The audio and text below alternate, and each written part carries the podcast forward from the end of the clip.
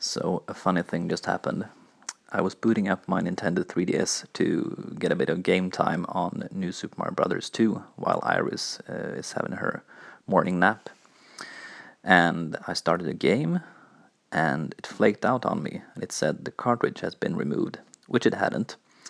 So, my natural reaction, being someone who grew up in the 80s and on the NES, was to remove the cartridge and blow on it and stick it back in. I have no idea whether that actually helped or not, but the game is working now.